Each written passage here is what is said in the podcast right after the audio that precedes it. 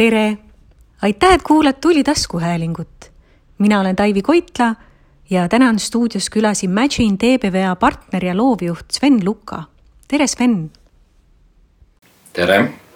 Sven on tulnud täna meile külla, et rääkida loovusest, loovtööriistadest ja Imagine TBVA agentuuri ägedatest tegemistest ka aga enne kui me nende põnevate teemade juurde läheme, siis äh, Sven, räägi palun natukene enda äh, tegemistest äh, lähemalt, kuidas sa sattusid Imagine TBVA-sse ja, ja siis kolmteist aastat tagasi loovkirjutajana siia tööle?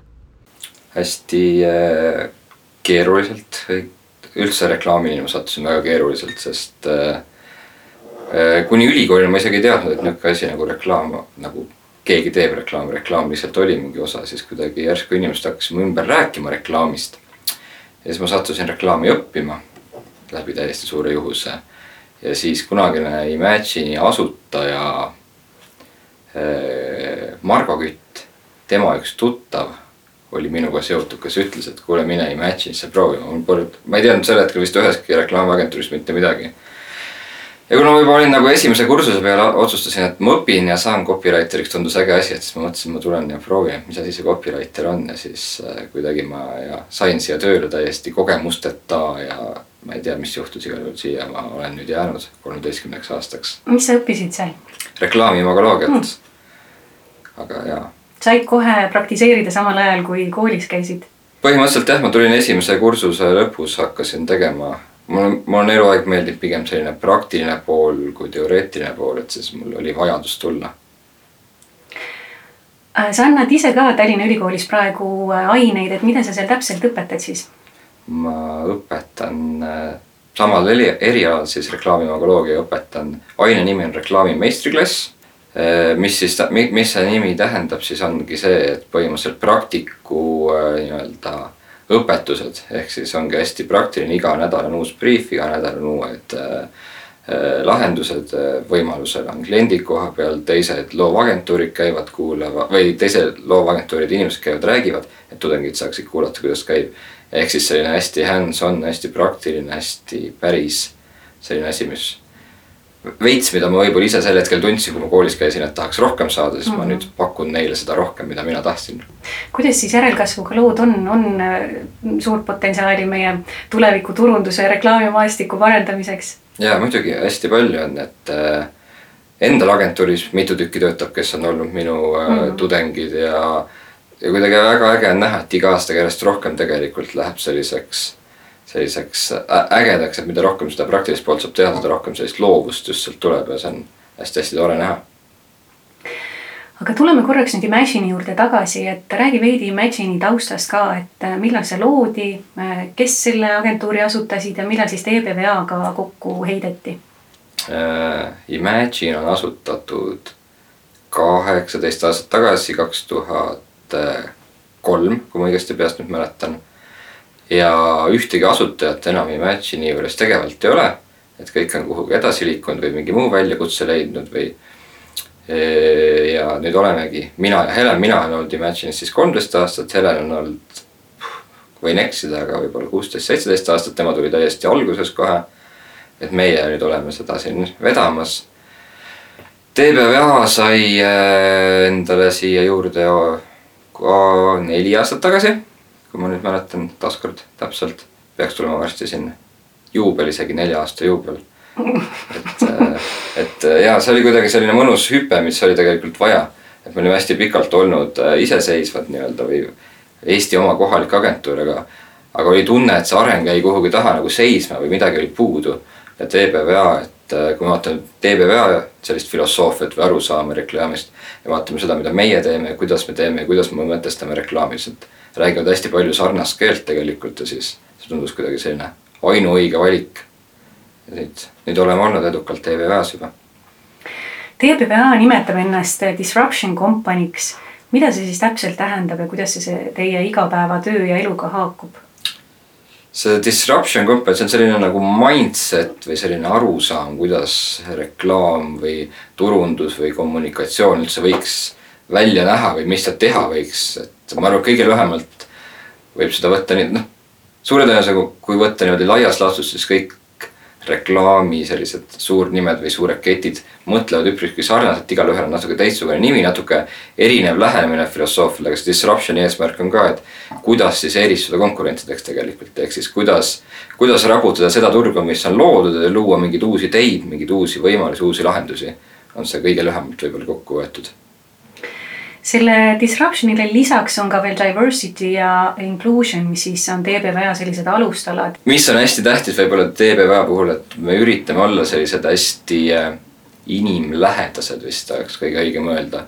et kõik, mis me teeme, me tahame, et inimene tunneks, et me oleme osa temast, et me ei ole kuidagi väljaspoolt äh, peale surutud, et me oleme talle hästi loomulik või see, mis me teeme, on hästi loomulik tema jaoks et ta tunneks ennast justkui kaasatuna või tunneks, et tema on selle kultuuri osa, et TBV-s üldse on selline kultuuri mõistmine on hästi tähtis. sellise suurema ühiskondliku kultuuri mõistmine.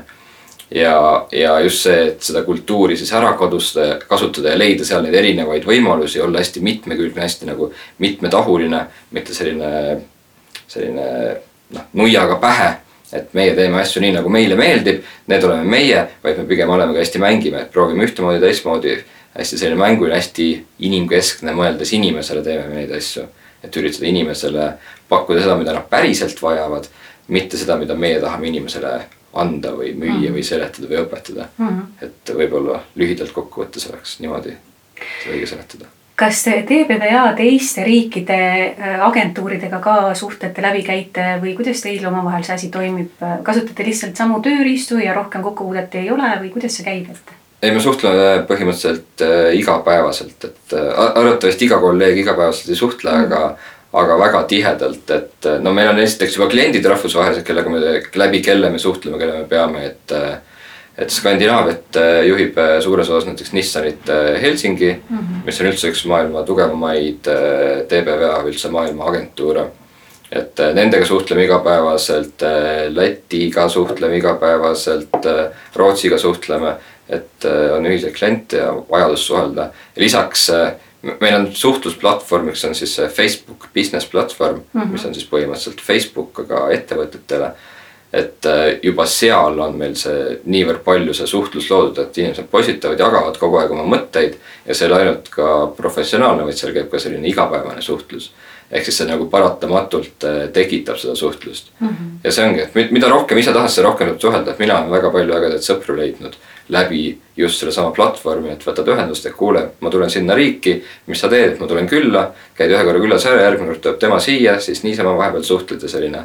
et pigem on see nihuke, ma olin isegi üllatunud, kui tugev kommuun see on, et see tundus nagu äge tugev kommuun, aga kui nagu päriselt seda kogeda, siis see on nagu veel tugevam ja veel ägedam aga kas kasutate ka vastastikku sellist äh, know-how'd ära selles kontekstis, et sa mainisid, et on ühiseid kliente ja jagate seal ideid ja inspiratsiooni ja, ja vahetate asjakohast infot, aga aga näiteks kui teile tuleb sisse mõni kohalik klient, kellel on äh, vaja midagi sellist luua, mida te ise oma agentuuri inimestega ei suuda pakkuda, et siis te kaasate näiteks äh, mida Helsingi TBVA-st Pieter Pietrineni mm, -hmm. et, et tulla appi, et kas sellist koostööd ka teete või pigem mitte?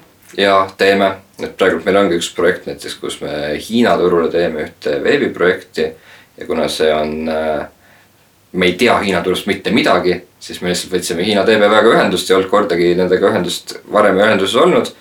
Äh, aga sai otse põhimõtteliselt kirjutada, sain vajalikud kontaktid ja nüüd me suhtleme, et leida sinna see parim lahendus, et jah, see nii-öelda põhiaju tuleb meie poolt, aga nemad aitavad siis seda, mis Euroopas on välja töötatud, aitavad seda siis Hiina turule kohandada nii, et see toimiks seal et äh, jaa, pidevalt jagame sellist ja lisaks on meil siis erinevad niisugused know-how platvormid, kus saab lihtsalt, äh, kui meil on mingisugune case, mida me teame, et siis selle case'i põhjal on äh, või need selle case'ide põhjal on väga hea vaadata ja viia ennast kurssi, mida teised on teinud, et alati ei peagi nii-öelda tegijaga ühendust võtma, vaid piisab sellest, et kui on head showcase'id, mida vaadata, selle põhjal siis õppida ja saada juba inspi ja, ja infot ja et see jaa, suhtlus on hästi tihe. väga tore hüppame korraks loovteemade juurde edasi või tagasi, et, et TBVA-d me rahule ei jäta, natukene mhm. pärast räägime TBVA-st veel. aga sa oled maininud, et loovaks ei pea sündima, et loovmõtlemist saab õppida. mis sa sellega täpsemalt mõelnud oled?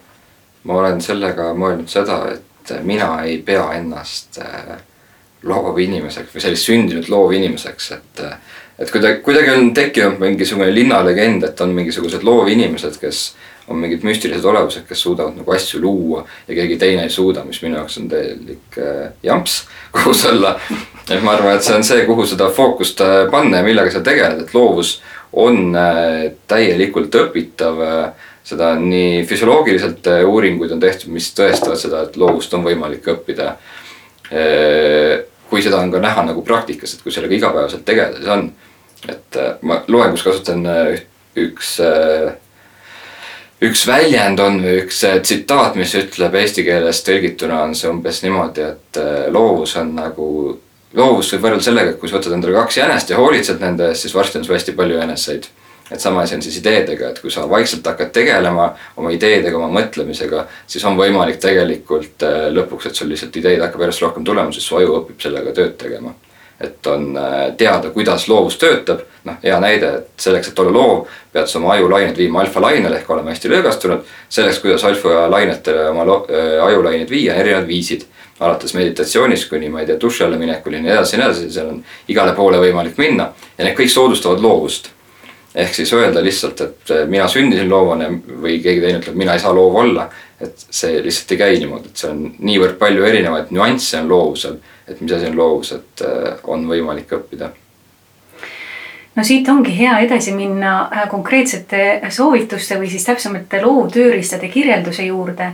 et ma tean, et TBVA äh, osana ja ka Imagine ise on äh, kasutanud hästi põnevaid loovtööriistu mm, -hmm. mis kõlab üliabstraktselt, et mis see siis täpselt tähendab, et, et võtame selle siis pulkadeks lahti, et mis need põnevad loovtööriistad on, mida te igapäevaselt siin kasutate mis on loovtööriistade eesmärk, on panna inimene kuidagi teistmoodi mõtlema mm. -hmm. ja, ja, ja mis on see nagu nõrk koht, miks neid tihti ei kasutata, on see, et A, kas äh, arvatakse, et need on mingid imeriistad ja mõeldakse, et kui ma selle ühe küsimuse ette loen, siis ma justkui peaksin hetkega muutuma loovaks.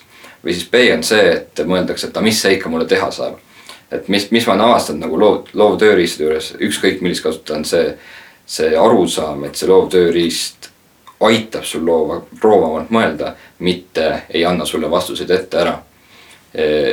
ja miks see on veel tähtis, on sellepärast, et tihti arvatakse, et loovtööriista kasutamine justkui nagu selline cheat imine või et, et justkui, et siis sa ei ole loov, kui sa kasutad. et vastupidi, see just ergutab sinu loovust. ja me, meie ise, isiklikult kasutame hästi palju erinevaid, et ma arvan, et mul on selline aja jooksul on nihuke kolmkümmend neli, nelikümmend erinevat loovtööriista välja otsinud, testinud nagu ma enne ütlesin, ma olen pigem selline praktik, et ma olen neid loovtööriistasega tegelikult enda jaoks kohandanud või vaadanud, kuidas mulle see paremini töötab või minu tiimile. et äh, pannud käima, et ma ei tea, niisugused suuremad võib-olla nimed, mida me kasutame, mida võib-olla keegi teeb, Metokit on üks hea asi, mida me kasutame. et äh, samamoodi, et seda saab kasutada hästi selliselt struktureeritud mingi workshopi tegemiseks. aga tegelikult on seda võimalik väga loominguliselt kasutada, loovtööriistana kasutada. Metokit on põhimõtteliselt selline neljakümne kuni saja kaardiga selline tööriistapakk siis, kus igal kaardil on mingisugused äh, funktsioonid. Äh, neid method-kit'e on hästi äh, erinevate ülesehitustega siis, et alates selleks, et kuidas üldse näiteks ehitada üles workshop'i, kuni selleks, kuidas olla loo, kuidas ehitada üles veebilehte. et ta on nagu osaliselt selline meeldetuletus, kuna kui sa teed tööd, siis sul ei pruugi kõik nüansid meeles olla, et siis ta aitab sul nagu sellist flow'd või teekonda hoida. samas on seal mingisuguseid asju, mille peale tihti üldse ei mõelda. ja mina ise kombineerin Methodkit erinevate, lisaks erinevate tööriistadega, et nagu ma ei, ma ei suuda kunagi kasutada ainult ühte tööriista, sest igal tööriistal nagu eraldiseisvana minu jaoks on mingisugune selline puudujääk võib-olla või midagi, mida ta ei kata jälle ära et siis ongi, et ma kasutan äh, Method-Kit'i, siis sinna kõrvale ma panen trigger kaardid, mis on sellised loovuse inspireerimiseks äh, üles, äh, loovust inspireerivad küsimused. siis ma kasutan, millel ei olegi nimesid, mis ma olen lihtsalt erinevate agentuuridega koos töötades õppinud erinevaid nii-öelda meetodeid, mida ma siis harjutustena toon sisse. et, et see on selline kombineeritud unikaalne asi alati, et meil ei ole sellist, et et siin on punkt üks ja siin on punkt kümme ja siis sa liigud otsast lõpuni ja siis sa oled järsku loovlahenduseni jõudnud. vaid tuleb nagu otsast hakata pihta ja siis vaadata, mis on need õiged tööriistad. aga jah, selline guideline võib-olla on tööriistaks siis hea öelda. ja Method-Kit on selline üks suuremaid või tuntumaid meetod, selliseid guideline'e siis võib-olla korraks küsin vahele nende põnevate tööriistade kirjelduse juures juurde, et paljud armastavad üksi töötada iseseisvalt ja ja kui neile mingisuguseid selliseid äh, praktikaid tutvustada, mis siis peaksid justkui nagu aitama korraks äh, mustreid murda või siis natukene teistmoodi või teises suunas mõtlema panna, et siis, siis on pigem nagu levinud see, et ei äh, taheta seda väga vastu võtta, et igaüks on harjunud, et ma üksi, mina olen nüüd loov inimene, mina tean hästi, kuidas ma oma äh, aju seal lahti võtan ja loovalt hakkan lähenema ja nii edasi ja, ja, ja, ja tihtilugu nende jaoks siis see nii-öelda äh, loov äh, tööriist on pigem see, et otsitakse inspiratsiooni teiste tööde pealt mm. -hmm et kuidas sinul sellega kogemus on, et kui sa oma tiimis oled äh, nende aastate jooksul proovinud neid erinevaid tööriistasid rakendada, et kas sa oled ka midagi sellist kogenud, et noh, et mõni, mõni inimene jookseb pigem nagu selliste äh, noh, praktiliste abivahendite peale pigem nagu kokku, mitte ei, ei hakka nagu laiemalt mõtlema, et kas, kas sul on ka sellist kogemust, et mis sa sellest arvad üldsegi? ja on, seda kogemust on hästi palju, see on selline ma, ma, ma täpselt ei saagi aru, kust see tuleb, see on, kas see on mingi ego teema, et siis inimesel tekib tunne, et kas ta siis ei olegi loov, et ta peab mingit abivahendit kasutama või.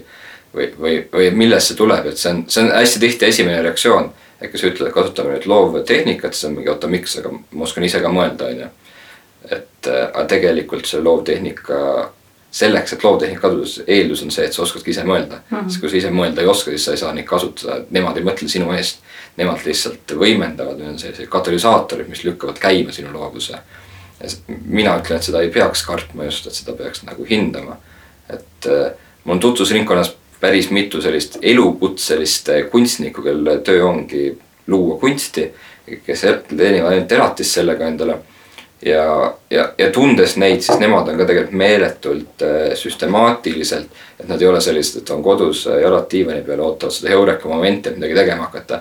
tegelikult neil on väga kindlad rütmid, väga kindlad töömeetodid, kuidas nad teevad. Nad võib-olla ei ole enda jaoks seda niimoodi lahti mõtestanud isegi tihtipeale, aga kui vaadata enda tööstruktuuri, seda, kuidas ja miks nad mõtlevad, siis seal on hästi tihti mingisugused mustrid ja tegelikult lihtsalt need tööriistad on need, mis annavad sulle uusi mustreid, mida saab proovida leida nii-öelda endale sobivaid mustreid. et tööriistaks võib nimetada ka tegelikult seda, et meil on agentuuris äh, selline ruum nagu war room ehk siis eraldi ruum, kus me käime ideid mõtlemas. nagu eraldiseisev tuba, kus on seina peal tahvlid, kus on diivanid, kus saab äh, seda valgust reguleerida nii nagu soovid, kotttoolid, et seal oleks mugav ja hea olla. aga miks on selline tuba, on puht sellepärast, et inimene on ehitatud selliselt, et kui tal on mingi rutiin luua või mingi harjumus, et siis see, see võimendab, et noh, hea näide war room'iga võrrelda on magamistuba, et kui inimene harjub magamistoas magamas ainult käima ja telekat ei vaata ja raamatuid ei loe seal, siis niipea kui inimene läheb voodisse, tuleb tal uni.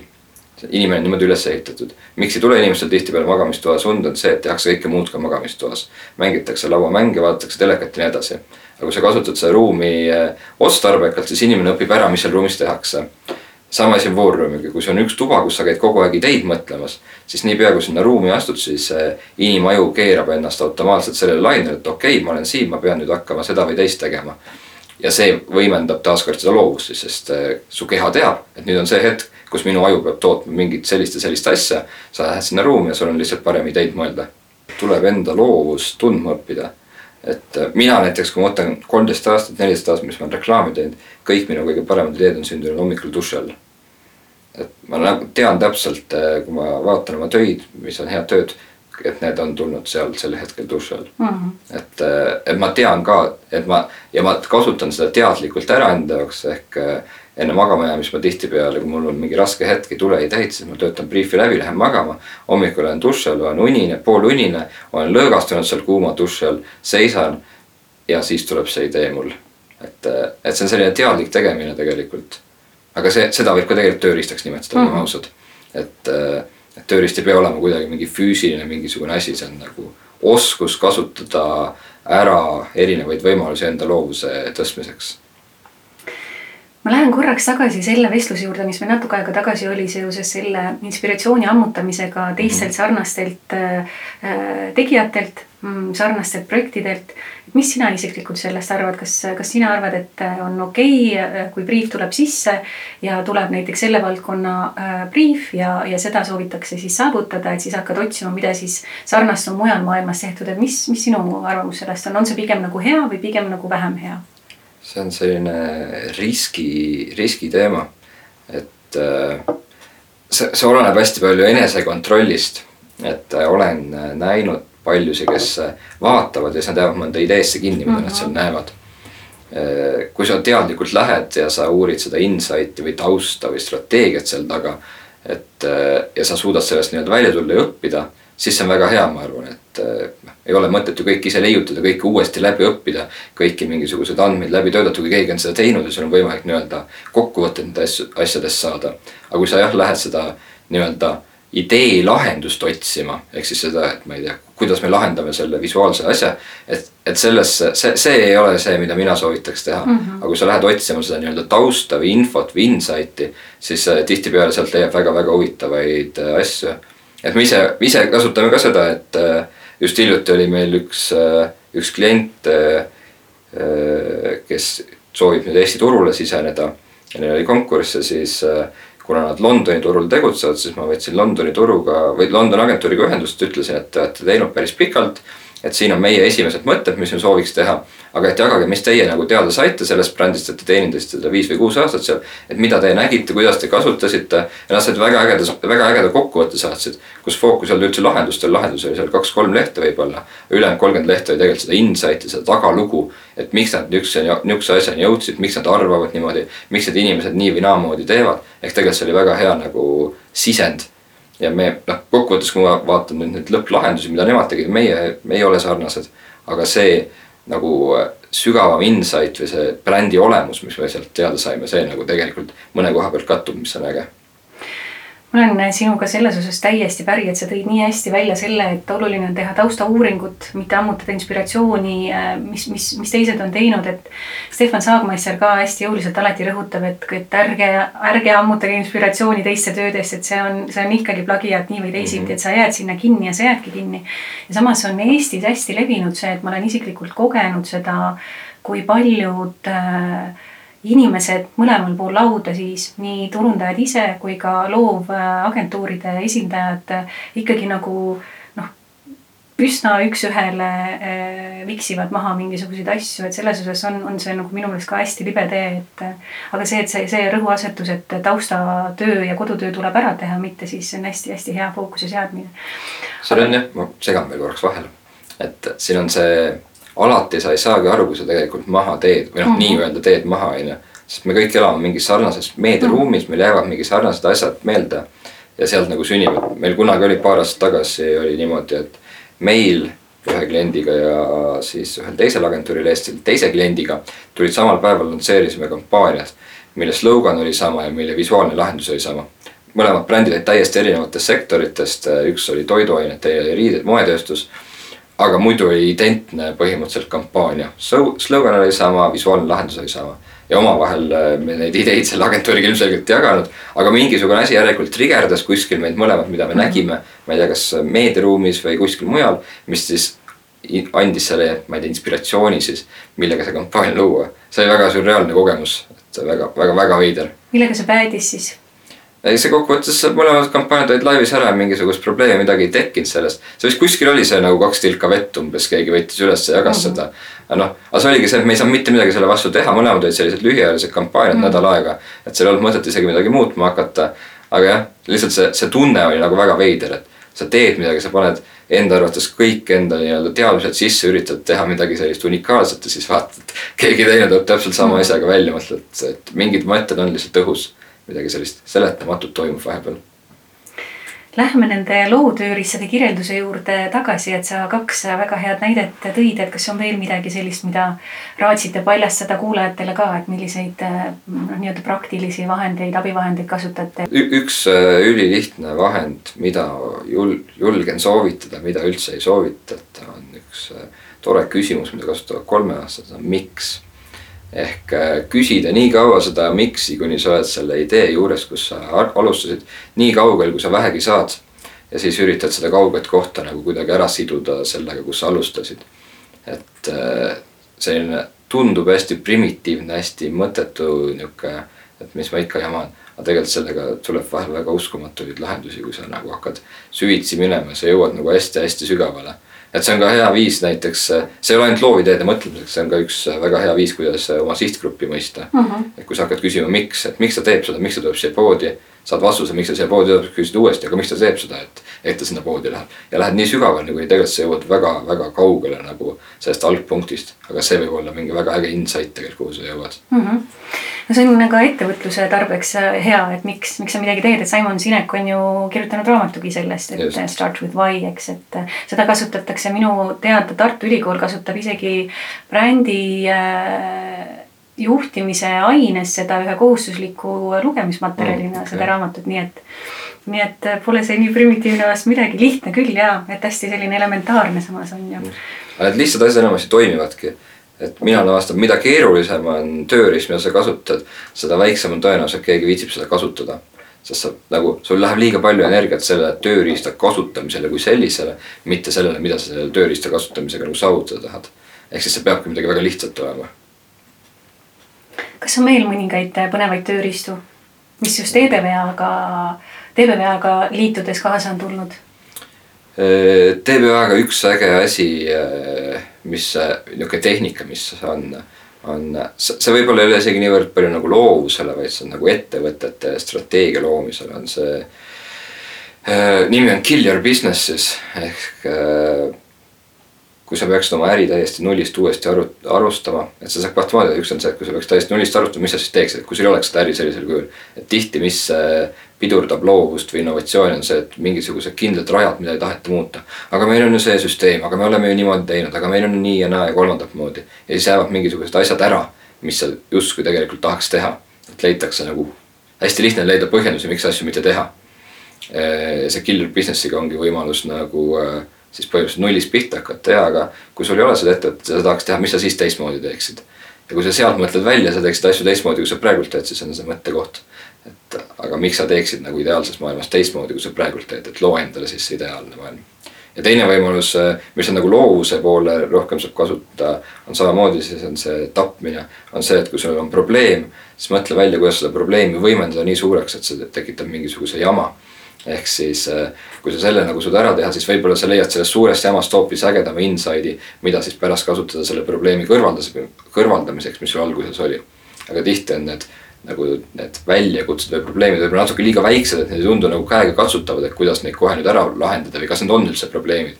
aga kui sa võimendad selle probleemi hästi suureks endale, eh, siis võib-olla on palju lihtsam leida seda lahendust, eks sa põhimõtteliselt tapad oma ettevõtte või selle selle valdkonna ära selle suure, väikse probleemiga, mis sul on, teed selle hästi suureks ja hakkad siis seda lahendama. ja pärast siis scale'id jälle vastavalt enda vajadusele seda. siit ongi hea minna edasi teie klientide juurde, et äh, ma tean, et te kliente ka nii-öelda raputate teistmoodi mõtlema, et lisaks sellele, mis sa just kirjeldasid, mida saab siis ju klientide puhul ka rakendada, ma tean, et te teete veel ägedaid asju nendega, räägid sa nendest ka veidi? Sa mõtled vist workshop'e? vist küll jah et äh, ja me teeme workshop'e, see, see on küll üks asi, mis on hästi tugevalt nüüd läbi TBVA meile tulnud. et selline konsultatsiooni pool ja see, miks see meile nagu meeldib, mina ei ole kunagi uskunud sellisesse kuuekümne lehelisse A4-dest äh, äh, graafikutest täis olevasse mingi strateegiadokumenti kui sellisesse, et äh, noh, mitte keegi ei loe, mitte kunagi mitte keegi ei tea, mis seal kirjas on. see inimene, kes selle kokku on pannud, see arvatavasti ei ole üldse selle ettevõttega seotud ja on loodud mingisugune keeruline asi. ja mis äh, meie oleme viimastel neljal aastal nüüd TBÜ-ga tegema hakanud, on sellised äh, coaching'u vormis workshop'id. ehk siis me kutsume laua taha kliendi enamasti me üritame saada kliendil võimalikult erineval äh, tasemel inimesi siis, et see hierarhia oleks võimalikult läbi ja lõhki ära võetud, et me võtame jaekaubanduses, siis on äh, kaupluse müüja kuni ettevõtte tegevjuht ja kõik sinna vahele ka mõned inimesed veel, et saada seda erinevat nurka. ja lisaks siis teisele poole me üritame võtta inimesi, kes ei ole selle ettevõttega kuidagi seotud. tihtipeale me saame seda agentuuri seest võtta et me lihtsalt ütleme enda kolleegidele, et sa tuled sel päeval workshop'ile.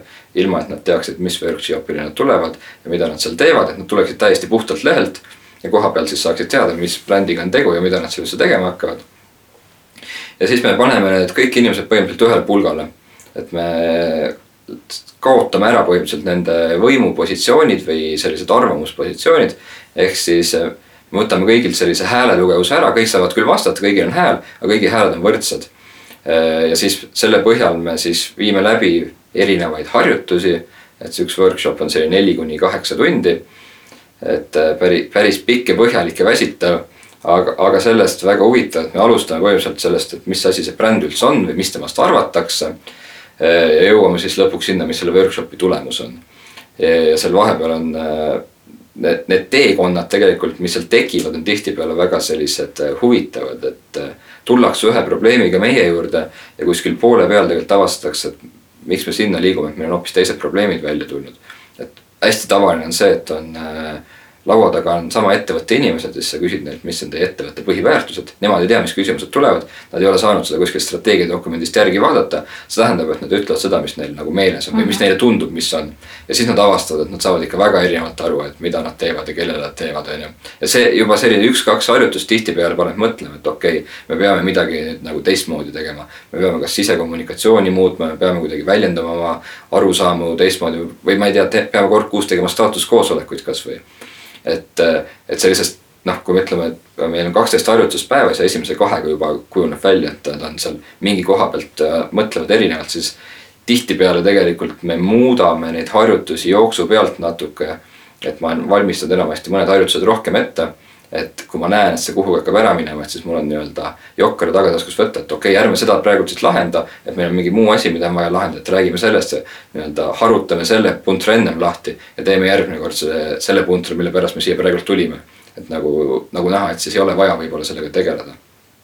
et tihtipeale jah, need, need äh, mured või asjad hakkavad sellest, et äh, tiim, kes tegeleb äh, siis mis iganes ülesandega, ei ole ise samal lehel lihtsalt ja meie ülesanne ongi siis läbi coaching'u viia nad siis sinna samale lehele, noh see coaching võib-olla ei ole õige öelda, see on coaching'u stiilis. et me kindlasti kasutame ka mingeid muid äh, tehnikaid seal. aga jah, et viia nad samale lehele, panna nad samamoodi mõtlema ja siis tegelikult hakata probleemide või väljakutsetega tegelema. et tihtipeale on see, et on vaja, öeldakse, et on vaja müüki tõsta või ma ei tea, inimene ei tule kauplusesse, leidke lahendus.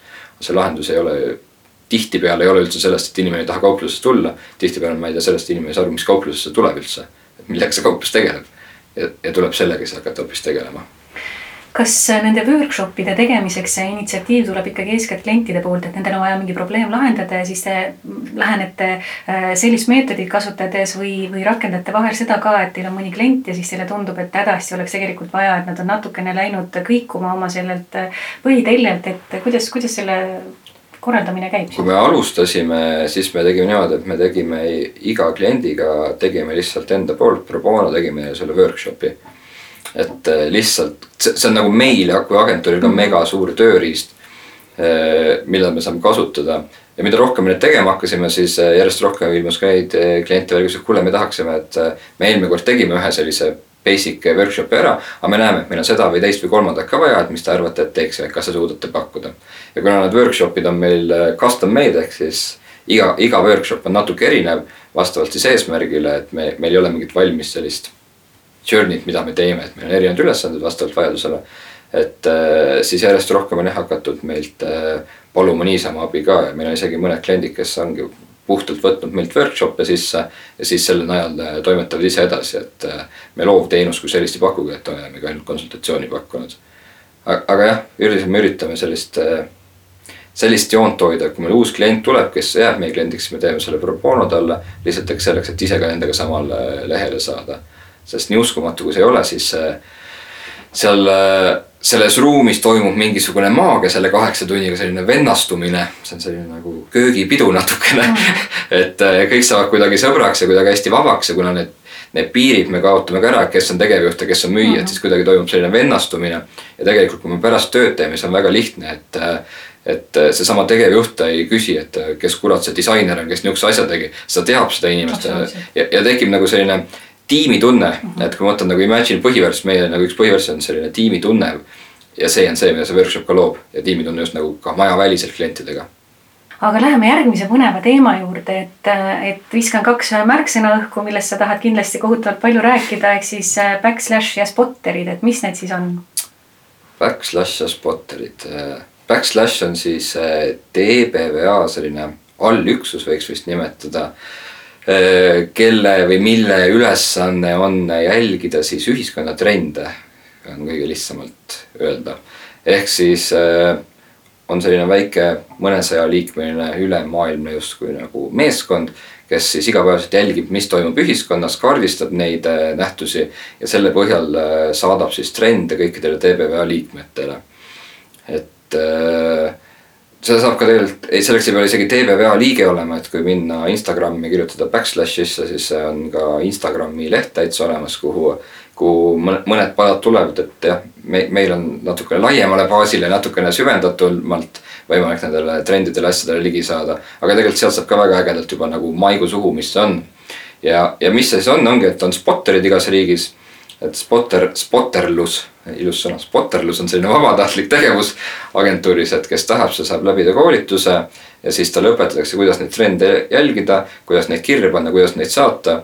Ja siis on äh, üle maailma on need spotterid, kes siis jälgivad ja saadavad sellele tiimile neid äh, trende ja selle põhjal nemad siis omakorda veel kaardistavad, et mida need kohalikud inimesed näevad ja mida nemad näevad ja, ja see on nii lokaalsed kui regionaalsed ehk siis ongi, me saame vaadata, mis siinsamas meie juures toimub, või me saame vaadata ka seda, mis nagu globaalselt kuskil toimub, mingisugused suured trendid. ja mis nende trendide juures on selline huvitav pool, mis või mis võib-olla ka sellist TBV-d iseloomustab, et äh, me ei usu sellistesse või noh, me usume tõestamaks hüpoteese, aga me ei usu, et nagu igat trendi asja peab kolm aastat ennem uurima, et öelda, et see oli trend. et me üritame, et kui mingi trend tõuseb, me kohe ütleme, et näete, see võib olla trend, proovige, kas see toimib jah, muidugi siin on risk, et see ei toimi, on ju. aga selles suhtes, et kui öelda, et kolm aastat tagasi oli selline trend, et siis ei ole sellest ka väga kasu. et siis me oleme lihtsalt rongist maha jäänud. et pigem me üritame olla seal rongi eesotsas ja näha neid trende ja riskida ja ollagi see selline natukene disruptida, et vaadata, kas saab seda muuta või ei saa. Et muidugi sellega kaasnevad riskid, aga noh, ma arvan, et igaüks teab, et mida kõrgem on risk, seda suurem on ka tulu ja, ja seda, seda peaks nagu arvestama siinkohal kuidas see keskkond siis välja näeb, kus te seda teavet või infot äh, äh, otsite, et kas see on mingi andmebaas või, või mis asi see, kuidas see, kuidas see siis toimub? Põhimõtteliselt on äh, see, seal erineval tasemel jälle on sellised aastatrende saadetakse, et iga aasta valitakse. saadetakse teile siis kuhugi keskkonda yeah., ei ole nii, et on mingisugune maagiline programm, login sinna sisse, panen märksõna ja siis ma näen kohe, mis erinevates riikides on, mis. Äh, on ka selline. on niimoodi, et äh, kui kõige suuremalt alustades ongi, kõigepealt saadetakse iga aasta saadetakse järgmise aasta eeldatavad trendid mm, -hmm. et neid on seal nihuke kakskümmend kuni kuuskümmend tükki olenevalt aastast kus siis räägitage, mis on trendid. Eh, need baseeruvad ka sellel, mis juba on olnud ja need on sellised pikaajalised trendid siis. ehk eh, noh, ma ei tea, sustainability on ju, see on juba seal mitu aastat olnud, pidevalt seal uued case'id tulevad, kuidas ja mismoodi seda tehakse. aga et see on see trend.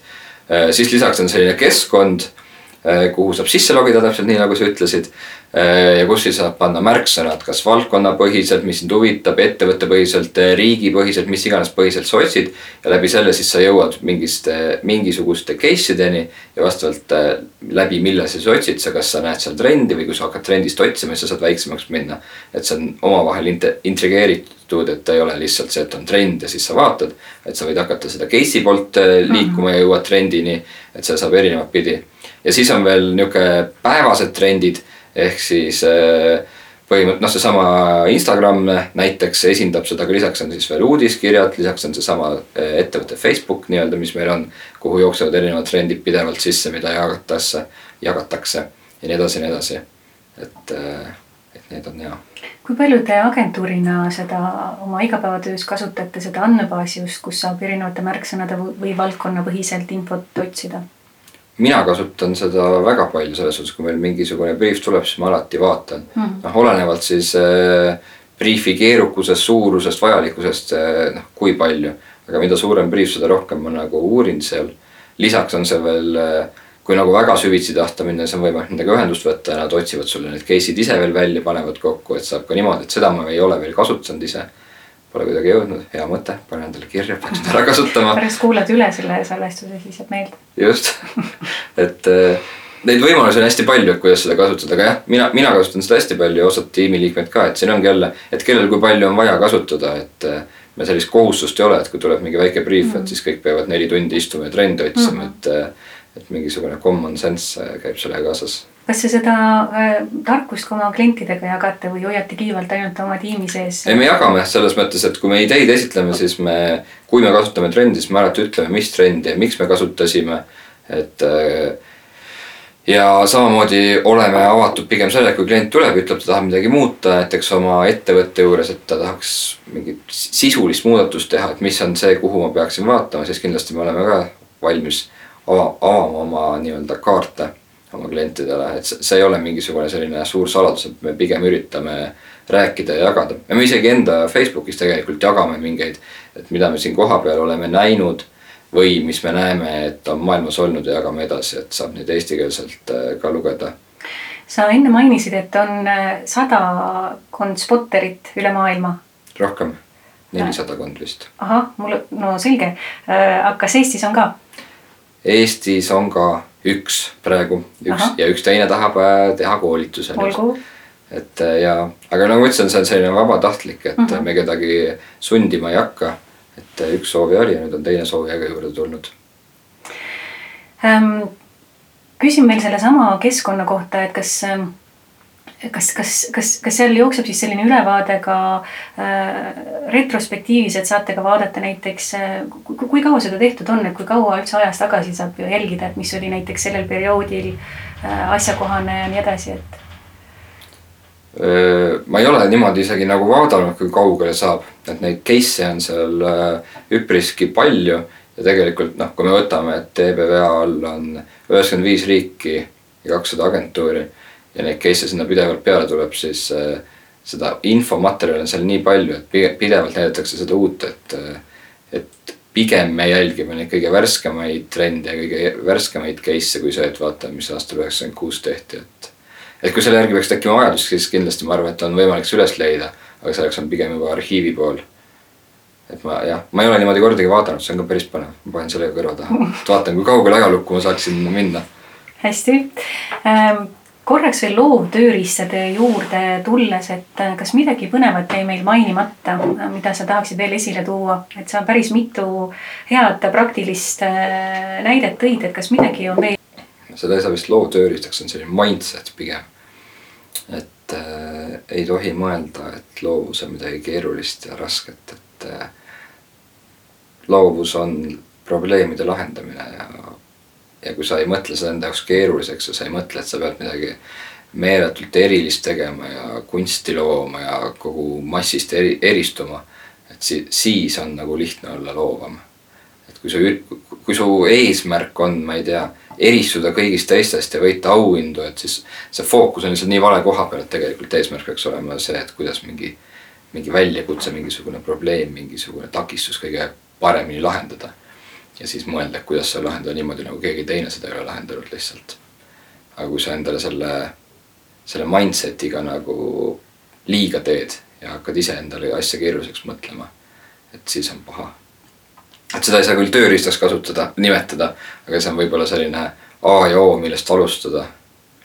mul jah, niisugust tööriista nime konkreetselt hetkel ei tule kohe, mis seda hea. tööriist on üsna totter nimetus tegelikult ka, võib-olla loovtehnika on isegi natukene nagu vastuvõetavam, et yeah., et see tööriist on nagu kuidagi nii nii nagu eemale tõukav sõnastus. no üks lo lo loovtööriist äge, mis on ka, mis aitab ajusi viia alfa tasemele. see on selline ohtlik asi, aga näiteks õlu et kui sa jood, see on kuskil on kalkulaator, eh, millega saad välja arvutada, millal sa ei jää joobesse, aga millal su keha hakkab liikuma lõõgastunud olekusse. et kui sa jood täpselt õige koguse alkoholi, siis see viib sind ka sinu ajalainede, alfalainetele lähemale, mis muudab sind loovamaks. et selline kõigile kättesaadav igast nurgapoest eh, loovtööriist ja, aga siia tasub öelda ka äh, meie kohustuslik lause, et, et alko-, alkohol võib kahjustada teie tervist, nii et äh, Kindlasti olge ettevaatlikud ja väga palju ei saa loovalt mõelda siis.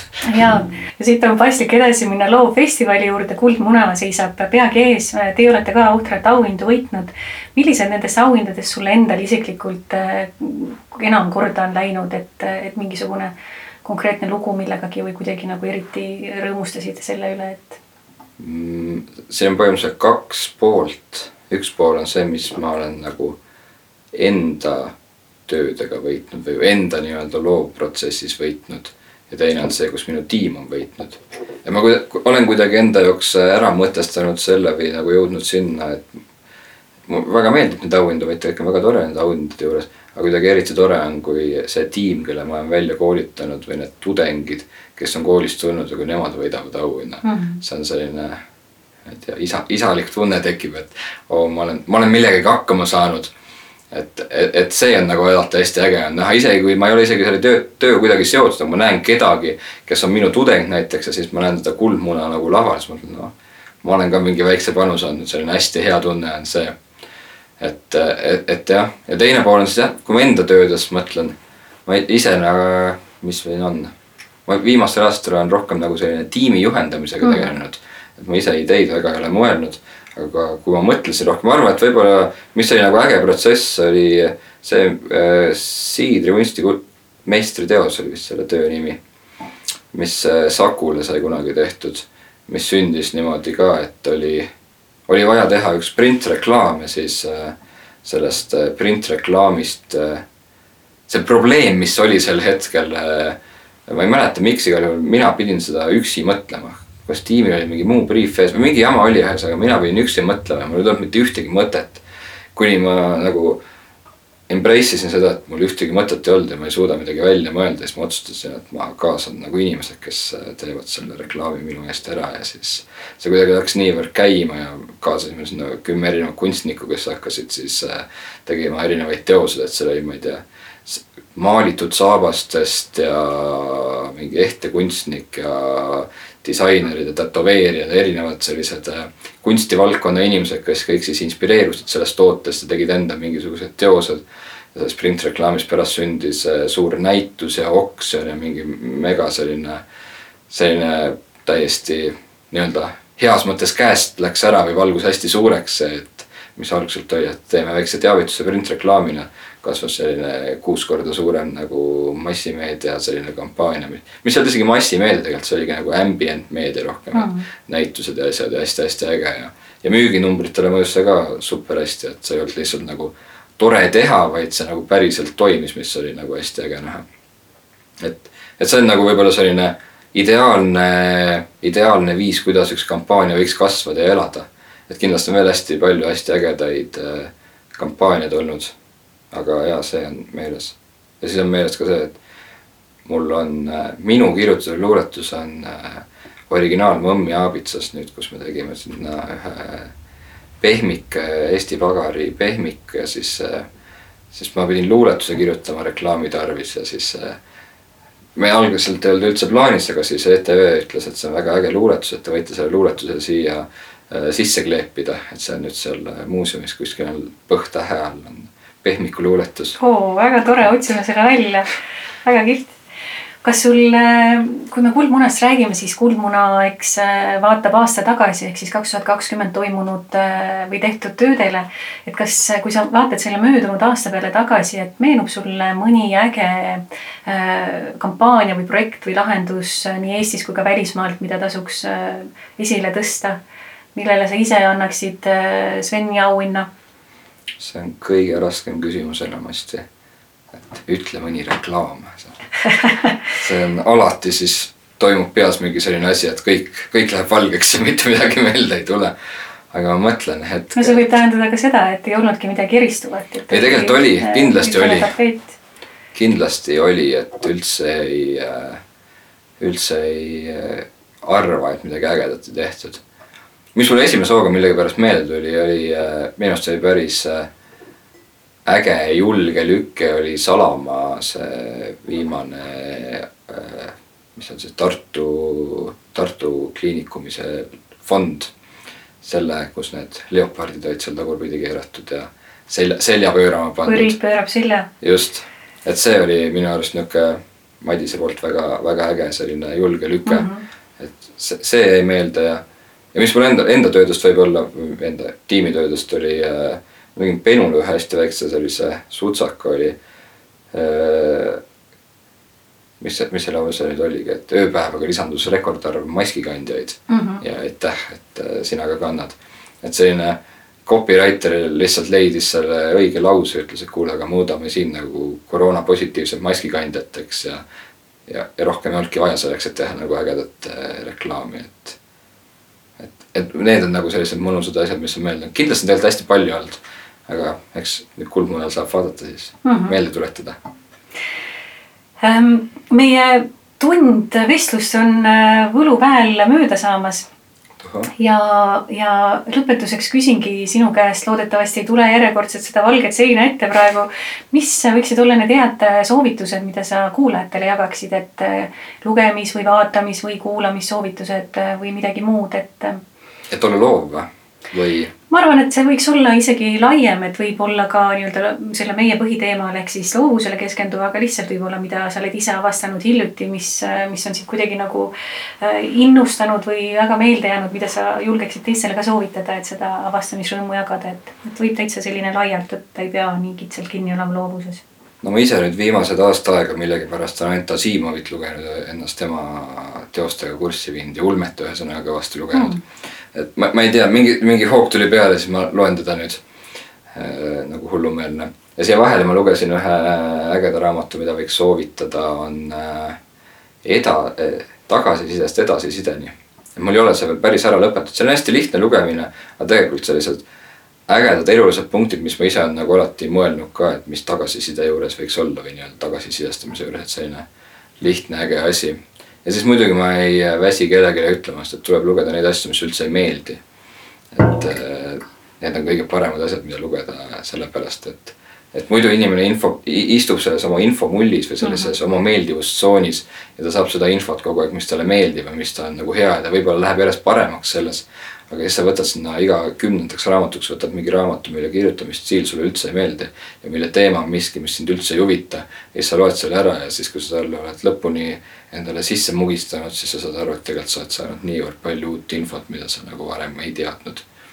et, et jah, ma ise loen näiteks imelist ajalugu kaanest kaaneni nagu kõik reklaamid ja kõik asjad loen läbi lihtsalt sellepärast, et saada mingisuguseid veidraid teadmisi ja mingit huvitavat insight'i ja infot nii et tuleb lugeda asju ka, tuleb lugeda ka asju, mis ei meeldi või mis, mis tunduvad sellised, mis ei ole vajalikud, need võivad pärast osutuda päris vajalikuks.